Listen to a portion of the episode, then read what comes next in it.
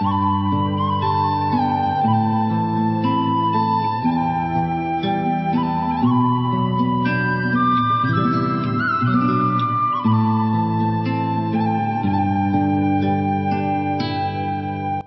דווקא היו חברות ערביות. כשהייתי בכיתה א', ב', איפה שהיום קופת חולים רמב"ם וכל זה, היה שדה רחב, מעבר לזה היו פרדסים. היו מגיעות שתי ערביות ואח שלהם, הם אמרו שהם משחמונס. הם היו באות לראות את הפרות שלהם שם. הייתה לי חברה ברחוב שלמדה בכיתה מקבילה לי. הם היו מחכות לנו שנבוא מבית ספר. לדבר לא ידענו איתם, אבל היינו משחקות איתם, לימדנו אותם לשחק בקלאס, לימדנו אותם כל מיני משחקים כאלה. יום אחד אנחנו חוזרות מבית ספר והן מחכות, מחכות, מחכות. אנחנו מגיעות, מושיטות לנו איזה פחית ונותנות לנו, שניקח. לא ידענו מה זה. זה מראות לנו מה עושים עם זה, הן טובלות האצבעות, מכניסות לפה, הם הביאו שמנת. כל מיני חוויות קטנות כאלה היו לנו. תשמע, זו הייתה מושבה נהדרת.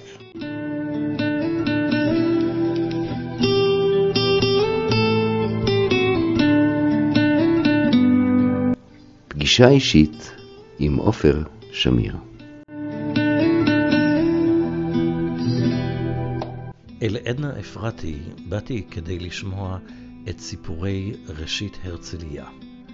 היא הזמינה אותי לביתה והעלתה זיכרונות, ואני מביא אותם בפניכם. טוב, אני עדנה אפרתי מהרצליה, בת הרצליה, ילידת הרצליה, 1938. אה, לא עזבתי אף פעם את הרצליה. אבא שלי היה ממתיישבי בני בנימין, אבי ואחיו הם באו כשותפים, הם הגרילו חלקה משותפת, חילקו אותה ביניהם, בנו שם שני בתים, אחד ליד השני. אה, אבי התחתן לפני דותי והביא את אימא שלי לשם. אמי הגיעה לבני בנימין ב-1927 ושם נולדו שני האחים הגדולים שלי, דוד ומשה, זכרו לברכה. הם היו שם מספר שנים והשותפות בין אה, אבי לדודי עלתה על איזשהו מוקש ואבא שלי עזב, הם שניהם עזבו. אבא שלי עזב, מכר את חלקו שם, בנה בית שהוא רשום כבניין הראשון על שתי קומות בהרצליה, לא יודעת אם הוא הראשון או השני, אבל הוא נחשב לבית הראשון על שתי הקומות בהרצליה, ושם אני נולדתי. אבי בינתיים אה, עזב את כל העבודות שלו בחקלאות אה, ועבר להיות נהג. הוא עבר להיות נהג אוטובוס בקואפרטיב שנקרא הרצליה רעננה, שלימים הוא גדל ונעשה השערון המאוחד. והלאה והלאה אחרי זה, זה אגד וכולי וכולי. אני יודעת רק שהוא, יעקב היה דודי ואשתו שמה היה שרה, אבל מיום שאני נולדתי לא היה לנו שום קשר. מעולם לא דיברתי איתם. ידעתי שהוא הדוד שלי. הוא גם היה די דומה לאבי. אבל לא היו לנו קשרי משפחה, שום דבר.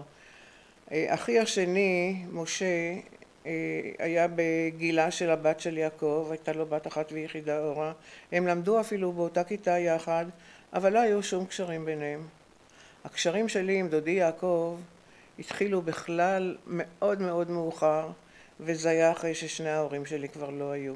חידשנו את הקשר, התחלנו קשר, ואפילו אחי הצעיר, חנן, נתן ליעקב את הכבוד הזה להיות, כשהוא נולד ספר, הסנדק שלו.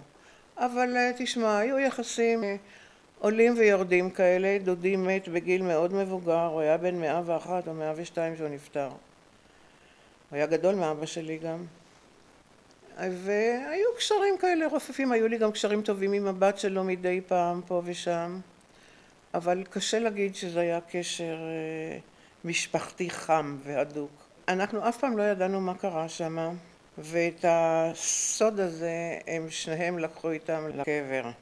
אני יודעת שדודי יעקב, אחרי שאבי נפטר ואחרי שאמי נפטרה, הם נפטרו בשנה אחת, תוך שמונה חודשים, אמר לאחי, זכרו לברכה, אחי השני, משה, שהוא רוצה לדבר איתו ולספר לו כמה דברים. ומשה אמר לו, הצד השני כבר איננו, אני לא מוכן לשמוע. לא מרגישה שזה חסר לי עד היום. הייתה תקופה שיצרתי קשרים אה, די חמים עם אורה, עם הבת דודה שלי, עם הבת של יעקב, אבל אה, זה לא היה יציב, בוא נגיד ככה. גם אורה כבר איננה. מה את זוכרת מהרצליה בתור ילד? זוכרת דברים נפלאים מהרצליה. הרצליה הייתה מושבה נהדרת.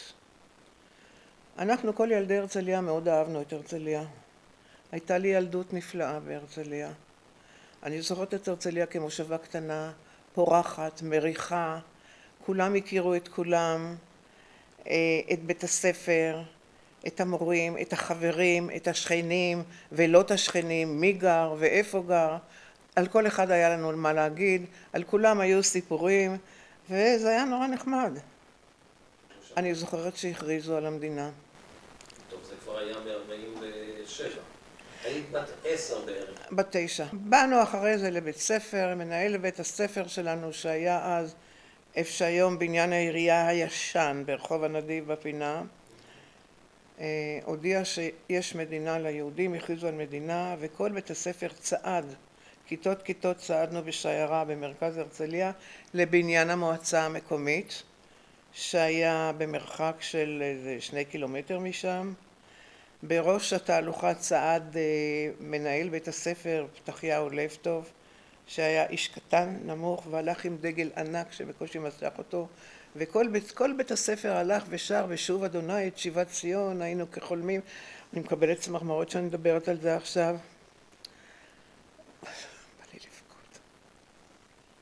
הגענו לבניין העירייה והוא עלה למעלה, זה היה בניין קטן, הבניין קיים עד היום דרך אגב, הייתה מרפסת עגולה, הוא עמד למעלה ונאם ודיבר ובכה. ותוך כדי עברו משאיות של אה, ערבים אה, שברחו מכאן, עזבו, אף אחד לא גירש אותם, שבט שהיו ערבים מסידנאלי או מג'ליל או אני לא יודעת מאיפה, נסעו לכיוון מזרח, מזרחה הסתכלו על כולם, אתה ראית את הלבן בעיניים שלהם, את השנאה, את ה... כן, הם ברחו, חלק גדול מהם עלו על משאיות והסתלקו, אני לא יודעת מה, לי דווקא היו חברים ערבים, חברות ערביות. כשהייתי בכיתה א', ב', וגרנו כבר ברחוב רמב"ם בהרצליה, שהיה רחוב עם שישה בתים, ואיפה שהיום קופת חולים רמב"ם וכל זה, היה שדה רחב, מעבר לזה היו פרדסים. היו מגיעות ערביות, שתיים שלוש ערביות, שתי ערביות ואח שלהם היו מגיעות, הם אמרו שהם משכמונס. הם היו באות לראות את הפרות שלהם שם. הייתה לי חברה ברחוב שלמדה בכיתה מקבילה לי, היא היום בקיבוץ רביבים, נעמי. הם היו מחכות לנו שנבוא מבית ספר, לדבר לא ידענו איתם, אבל היינו משחקות איתם, לימדנו אותם לשחק בקלאס, לימדנו אותם כל מיני משחקים כאלה. יום אחד אנחנו חוזרות מבית ספר והן מחכות, מחכות, מחכות. אנחנו מגיעות, הן מושיטות, מושיטות לנו איזה פחית ונותנות לנו, שניקח. לא ידענו מה זה. זה מראות לנו מה עושים עם זה, הן טובלות האצבעות, מכניסות לפה, הם הביאו שמנת. כל מיני חוויות קטנות כאלה היו לנו. תשמע, זו הייתה מושבה נהדרת. בילדותי, עוד לא בנערותי, בילדותי. כולם הכירו את כולם. לים, איך הלכנו? נסענו באוטובוס לים. אבא כבר היה נהג באגד, נסענו באוטובוס לים. החוף שהתרחצנו בו היה מה שהיום חוף אכדיה. אה, הוא בכלל לא היה מפותח. היינו מגיעים לאיזה משטח שהאוטובוסים היו עוצרים שם, הייתה ירידה תלולה מאוד למטה, ותמיד החזקנו חזק את הכיסאות שלפנינו, שהאוטובוס לא ייפול למטה, נמשוך אותו אחורנית, זה נורא היה מפחיד, כילדים. אה, בים היה לנו יואל של התירס, היה יואל כהן, איש מהרצליה, שמכר תירס בים. ואימא לא נתנה לנו אף פעם לקנות תירס שם, היא אמרה שבדודים שמבשלים את התירס מחפשים בגדים, אנחנו נאכל תירס בבית, יש לנו בחצר תירסים שמגדלים. אה, היה, אני לא יודעת, היו, היו מעט אנשים שלנו, זה נראה היה המון, אבל אה, זה היה, היינו נוסעים לים כמעט כל יום, אוכלים שם ארוחת ערב, חוזרים הביתה.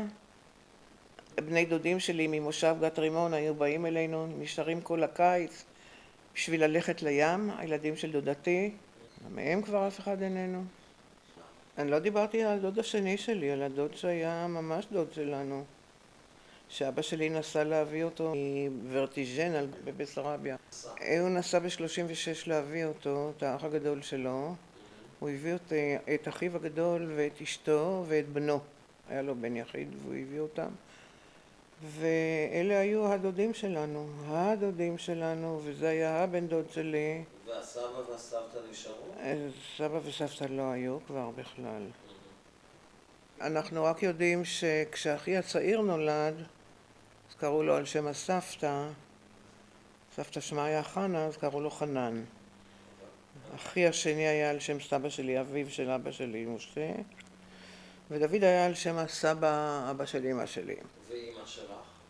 אמא שלי באה מאוקראינה, גם היא עלתה לארץ ב-24 עם אמא שלה ועם עוד שתי אחיות שלה, היא הייתה אמא שלי הבת הקטנה. הם עלו לפתח תקווה. היה לי דוד שעלה קצת לפניהם בגת רימון. אמא שלי התחתנה די מהר עם אבי. ב-27 אמרנו שהוא הביא אותה להרצליה, וב-24 היא עלתה לארץ, התחתנה די מהר. אה, אני מערבבת את הסיפורים פה ושם וכל לא, זה. מה? זה תעשי... בסדר. אז אה, הדוד שלנו, שמשון, הגיע לארץ עם אשתו ואלימלך הבן שלו. הם היו ממש ממש המשפחה שלנו. אבא שלי לימים הכניס גם את אלימלך לאגד, את הבן דוד. הדוד היה אח גדול של אבא שלי. מה אני אספר לך עוד על הרצליה, על הנוער העובד, על המושבה שהייתה קטנה שהייתי ילדה ואני זוכרת שהיינו הולכים בשבת, יוצאים לטייל והולכים בכביש הראשי ברחוב סוקולוב והיה שם יהודי בשם גיליארדי שהוא היה מוכר בוטנים וגרעינים. הייתה לו עגלה כזאת שהיה משהו שהיה מחמם את זה והיה יוצא מזה עשן והיו קונים לנו גרעינים בתוך גביע של עיתון, נייר עיתון והיינו הולכים ברחוב הלוך וחזור ואוכלים גרעינים. היה שם אחר כך לימים יותר מאוחר הוקמו כמה בתי קפה, היה קפה קורסו שכל היקים היו הולכים לשם ובשבת היו רוקדים שם, הייתה מוזיקה והיו רוקדים שם, הוואלס וכל מיני ריקודים כאלה מין. על ידו הייתה חנות שהוא מכר מכשירי כתיבה וספרים ומחברות וצעצועים וזו הייתה החנות של אונה.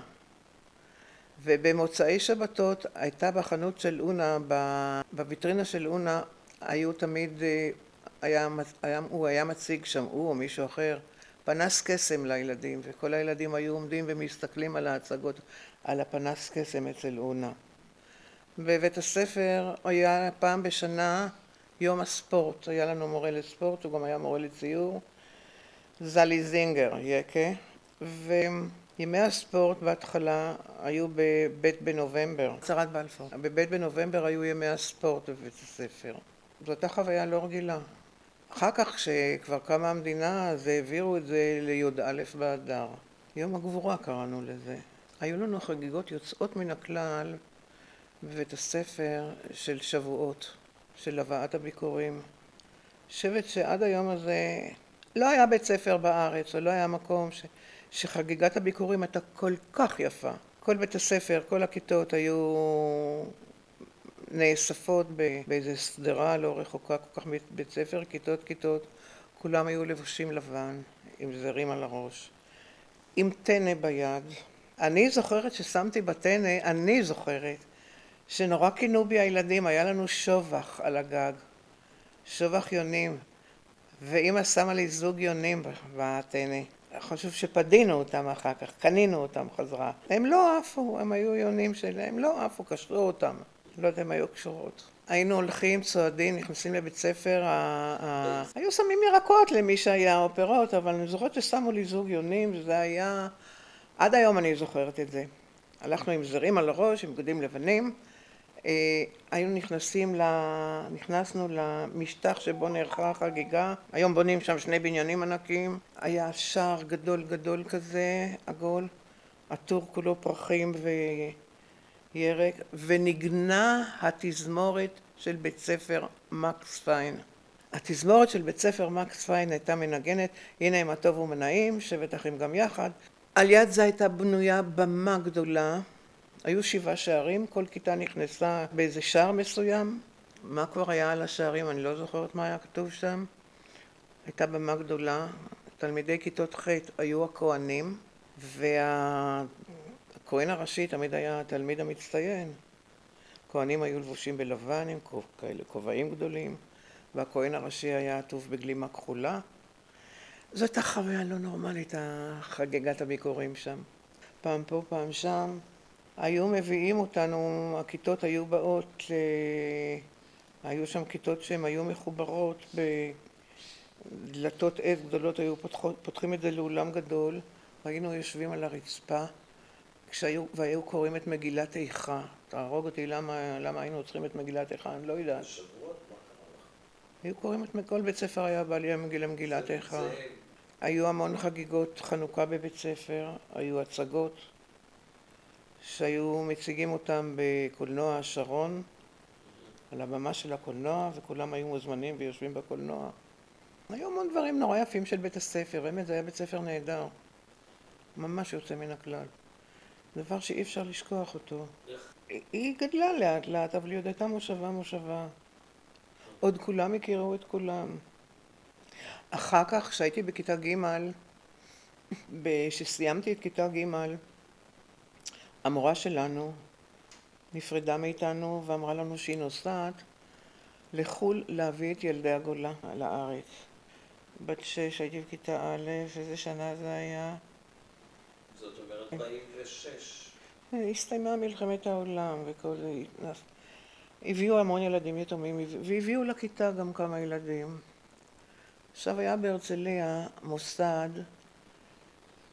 שקראו לו המוסד של גברת שרייבר, ולשם הביאו ילדים יתומים שהביאו מהמלחמה, שהגיעו לארץ. אחד מהילדים האלה, או שניים מהם למדו איתי בכיתה. אני זוכרת ילד שקראו לו מאיר גולדשלגר, או גולדשלגר, והייתה לו אחות בשם יפה, שאיתה הייתה לי פגישה נורא מעניינת בצבא. כשהיינו בטירונות, כשהייתי טירונות, נותנים גם שיעורי עזרה ראשונה בטירונות, מה לעשות? חילקו אותנו לחוליות חוליות ושלחו אותנו, שאתם תלכו למקום הזה, תשבו שם, שם אתם מקבלים את השיעור של העזרה הראשונה. היינו שם איזה שש או שבע או עשר בנות, לא זוכרת, והיא יושבת אה, באה מדריכה, ואני מסתכלת עליה ואני רואה, היא אומרת ששמה יפה, ואני מסתכלת עליה, הייתה כזאת בחורה נמוכה, קטנה, בלונדית, עם תיק יותר גדול ממנה של עזרה ראשונה, והיא מתחילה להעביר את השיעור, ואני כבר לא שומעת מה שהיא אומרת, אני כל הזמן מסתכלת עליה. ובסוף השיעור אני ניגשת אליה, אני אומרת לה, תגידי, את יפה גולדסלבר? אז היא אומרת, כן. אני שואלת אותה, את אחות של מאיר? כן. איפה מאיר? היא אמרה לי באיזה קיבוץ. הוא יותר לא רצתה לדבר והיא הלכה. אבל אותי זה נורא ריגש, שאחרי כך וכך שנים פגשתי אותה, את הפליטה הזאת מהמוסד, אחות של מאיר. אני רוצה להגיד לך שזה דברים נורא, כאוב, נורא כואבים מה שאני אומרת לך, כי אני מתגעגעת לימים האלה, ואנחנו מדברים על זה הרבה. על הנוער העובד אין לי הרבה מה להגיד לך. זה תנועת נוער שהיינו נוסעים. בתקופה שלי אגב לא טיילנו הרבה. אגב אני נולדתי בתקופה שלא הרבה ראינו. כי ככה, היו מאורעות, אחר כך הייתה מלחמת השחרור, אחר כך היו פדאיונים ופה ושם, כמעט לא נסענו למסעות, נורא מעט. ב-46 הייתי בת אה, שמונה בערך, שבע שמונה. אה, אני זוכרת שחילקו כרוזים בסתר. אני זוכרת, בואו נחזור למלחמת העולם. אני זוכרת שחילקו לנו בבית מסכות גז, ולי הייתה מסכה של ילדים. אני גם זוכרת שעלינו על הגג ש... ש... שתקפו את תל אביב, ואמא צעקה לנו לרדת מהגג, הגג בקומה השנייה, שהפגיזו את תל אביב, הפגיזו משהו, הכל היה פתוח הרי, לא היה בתים לא זה. אני זוכרת את הסיירות אחרי זה, שכבר אחרי המלחמה, אני מבלבלת פה תאריכים, כי עוד גרתי בבית על שתי הקומות. היו, אלימלך בן דודי התגייס לבריגדה היהודית, הוא היה בבריגדה. ואני זוכרת שיירות של הצבא הבריטי שהיו זורמות, נוסעות מה, מהגבעה, אנחנו גרנו יותר למטה, הייתה עלייה כזאת, והיינו עומדים והיינו עושים ככה. הילדים היו יוצאים ועושים וי לצבא הבריטי. חשבנו אולי נראה את הבן דוד שלנו שם ביניהם. תשמע, הייתה לי ילדות יפה, אבל uh, אני מערבבת אותה בין פה לשם.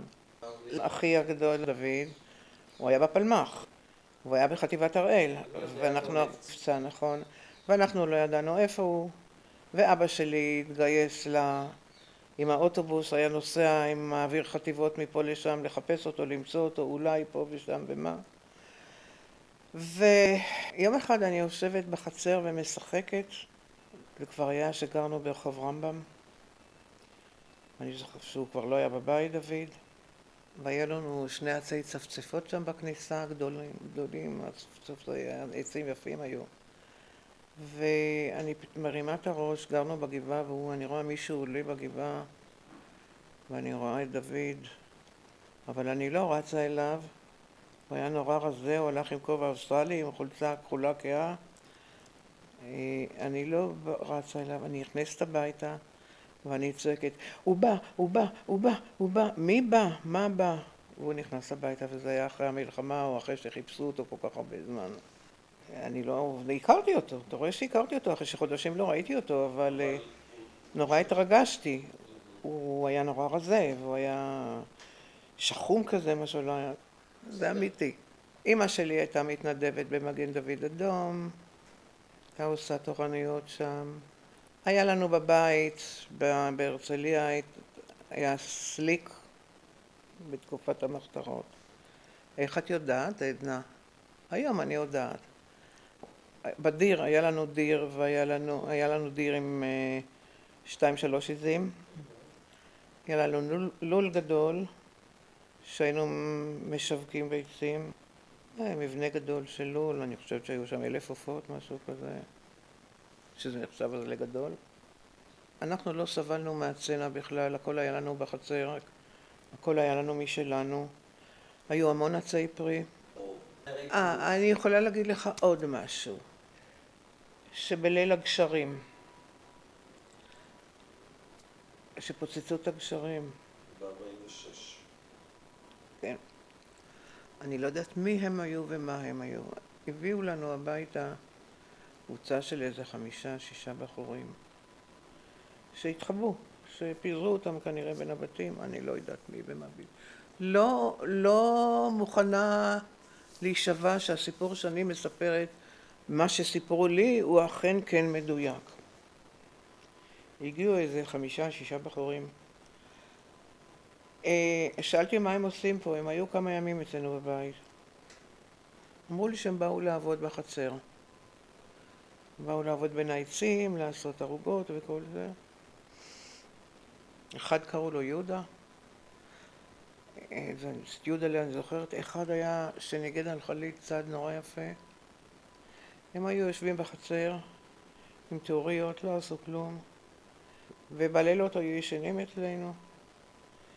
ויום אחד הודיעו להורים שלי שהם צריכים לצאת, הצבא, הבריטים אחריהם או משהו כזה. ואז אימא שלי, אני זוכרת, קמה להעיר אותם וניירה אותם וזה, והם ברחו. ואחד קראו לו נחום מלא. ואמרו לנו אחר כך שזה היה נחום שריג, לנו אמרו, אם זה נכון או לא, אני לא יודעת. אני זוכרת אותם טוב, אני זוכרת מה שהם שרו, ואני זוכרת שהם לימדו אותי איזה שיר. ואני נדבקתי אליהם כמו אני לא יודעת מה, נסחבתי אחריהם. לא ידעו איך להיפטר ממני כנראה. אימא שלי הייתה אישה מקסימה. אמא שלי הייתה אישה שקראו לה ריבה, רבקה אפרתי ריבה. אמא שלי הייתה אישה שמאוד אהבו אותה בהרצליה. היא הייתה שרה במקהלה של אה, קפלן, שהייתה מקהלה בהרצליה. הייתה מתנדבת במגן דוד. הייתה אישה מאוד חברותית, אמא שלי, מאוד נחמדה. אני רק יודעת על הילדים שבאו אז מה... אחרי המלחמה, מלחמת העולם, שאמרו שלא, הם רעבים, לא נותנים להם לאכול מספיק במוסד הזה של צרייבר. אז היא הייתה מאכילה אותם צהריים, הם התארגנו כמה אמהות והיו מאכ... אני, אני לא יכולה לספר לך עליי, לא הייתה מדברת על זה, הייתה אישה נורא טובה, מחלקת, נותנת. לא היה לה קל. לא היה לה חיים קלים. למה? אבי רוב הזמן לא היה בבית. אה, אני זוכרת שהייתה תקופה שברשפון, איפה אישה או בכפר אס, נכנסו פדאיונים ערבים, אנחנו גרנו בבית שם עם כל המשק בחצר. היא הייתה בלילות פוחדת לרדת לחצר למטה. אבל אה, היא נשארה לבד, מפני שאבא שלי לא היה בבית, ואחי הגדול כבר לא היה בבית. לא החזקתם כלב? החזקנו, תמיד היה לנו כלב, אבל יותר מזה שהחזקנו כלב, אה, אחי השני, עליו השלום, היה הגבר של הבית, אני אחריו וחנן היה תינוק. ושם הכלב נבח נורא והיה רעש בחצר. היה לנו אקדח בבית. היה לה אקדח. ואני זוכרת שהיא עמדה על האסלה בבית השימוש, היה חלון קטן, והיו לנו, הייתה חלקה שהיו בה תירסים, שהגדלנו תירסים. הכלב נורא נורא נובח. היא ראתה איזה תנועה זזה שם. והיא שאלה, אני שאלה, מי זה? מי שם? אם אתה לא יוצא אני יורה. והיא ירתה. פעמיים היו דברים כאלה. והסתבר שזה היה איזה עגלון בהרצליה שבא לגנוב. ראינו שהוא יוצא היא ירתה, הוא נבהל, הוא ברח. הייתה ג'דה, אמא שלי. בכלל נשים היו אז אמיצות. עבדו קשה. הייתה קמה השכם בבוקר לחלוב את העיזים. כשהיא הייתה בהיריון עם, עם חנן, היה לנו סליק בבית בכמה מקומות, זה היה בתוך הבית, כמו שבנו היה שם, מעל המטבח היה מין כזה, היה בפנים, היה בדיר של העיזים, שעמדו על זה שקים של אה, תבואה, של אוכל של העיזים, והייתה, היה גל אבנים, כמו אבני, סליחה, אבני ירושלים כאלה, שהיו בחצר על יד השער הגדול, היה שם שער גדול גם. הייתה ערימה כזאת. היו הרבה פעמים באים אלינו הביתה בערב אנשים של ההגנה, אני חושבת שהם היו מה... זה. אותנו היום, את מוישה אחי ואותי אמרו לנו ללכת לישון, היום גרשים אותנו ל... סגרו את הדלתות, הוא היה שוכב מתחת לדלת ומקשיב. אני לא הבנתי כלום, הייתי ילדה קטנה. היו לנו כמה שכנים, זה היה רחוב של שלושה בתים. היה לנו שכן ממול שראה שיש שם תנועה חשודה כל הזמן. הוא הלך והוא הלשין למשטרה הבריטית בהרצליה, שפה משהו מסריח אצל אפרתי בבית. אימא שלי עמדה יום בחצר יום אחד וחלבה, חלבה בחוץ את העיזה והגיע ג'יפ של אה, חיילים בריטים ורצו להיכנס הביתה, היא נבהלה נורא, היא עשתה את עצמה כזאת קצת אה, מחורפנת ואמרה אני לא נותנת להיכנס, בעלי לא בבית, אף גבר לא נכנס הביתה, לא, לא, לא. ואז אתם רוצים חלב? קחו, קחו. הם חשבו שהיא מטורפת. צחקו וברחו, אבל היא בכתה נורא אחרי זה. ואני זוכרת שהזהירו אותו אחרי זה. היה מישהו בהרצליה בשם יוסלה קראוז, שהיה בא אלינו הרבה, והוא אמר לשכן שלנו, אם אתה תפתח את הפה שלך או תגיד עוד פעם מילה או מה, אנחנו הורגים אותך פה. תשמע, אני, אני, יש לי דברים קטועים שאני מחברת מפה לשם, משם לפה. אבל זו הייתה הרצליה. זו הייתה המושבה. בעצם הדבר שהיה מספרת לי על מישהו שהלשין על סליק באותה תקופה, זה נראה מאוד מוזר, אבל... כן, כן. שרמנס קראו לו, אני זוכרת, מזמן כבר מת. הוא היה איש רע, עשיר ורע. אני זוכרת שהיו מחלקים תחת הדלתות. היה ירחון כזה שהיה כנראה אסור כזה, קראו לו אשנב. זוכר את השם שלו, קראו לו אשנב. בעיה של, אה, של, של ההגנה, אני חושבת. אתם הייתם שייכים להגנה? כן, כן, הייתה הגנה, היה אצ"ל, היו קצת אצ"ל בהרצליה, והיו הבית"רים שהם היו בשכונת מזרחי, שהם היו בכלל מוקצים מחמת מיאוס, בית"רי אסור היה לדבר בכלל. הפורשים, נו. בית"רי ואצ"לניק. אסור היה לדבר איתם, אסור היה להתקרב לשם בכלל. אין לי יותר מה להגיד לך, אני נזכרת מפה ומשם, פירור מפה, פירור משם. עדנה אפרתי חיה ומתגוררת בהרצליה.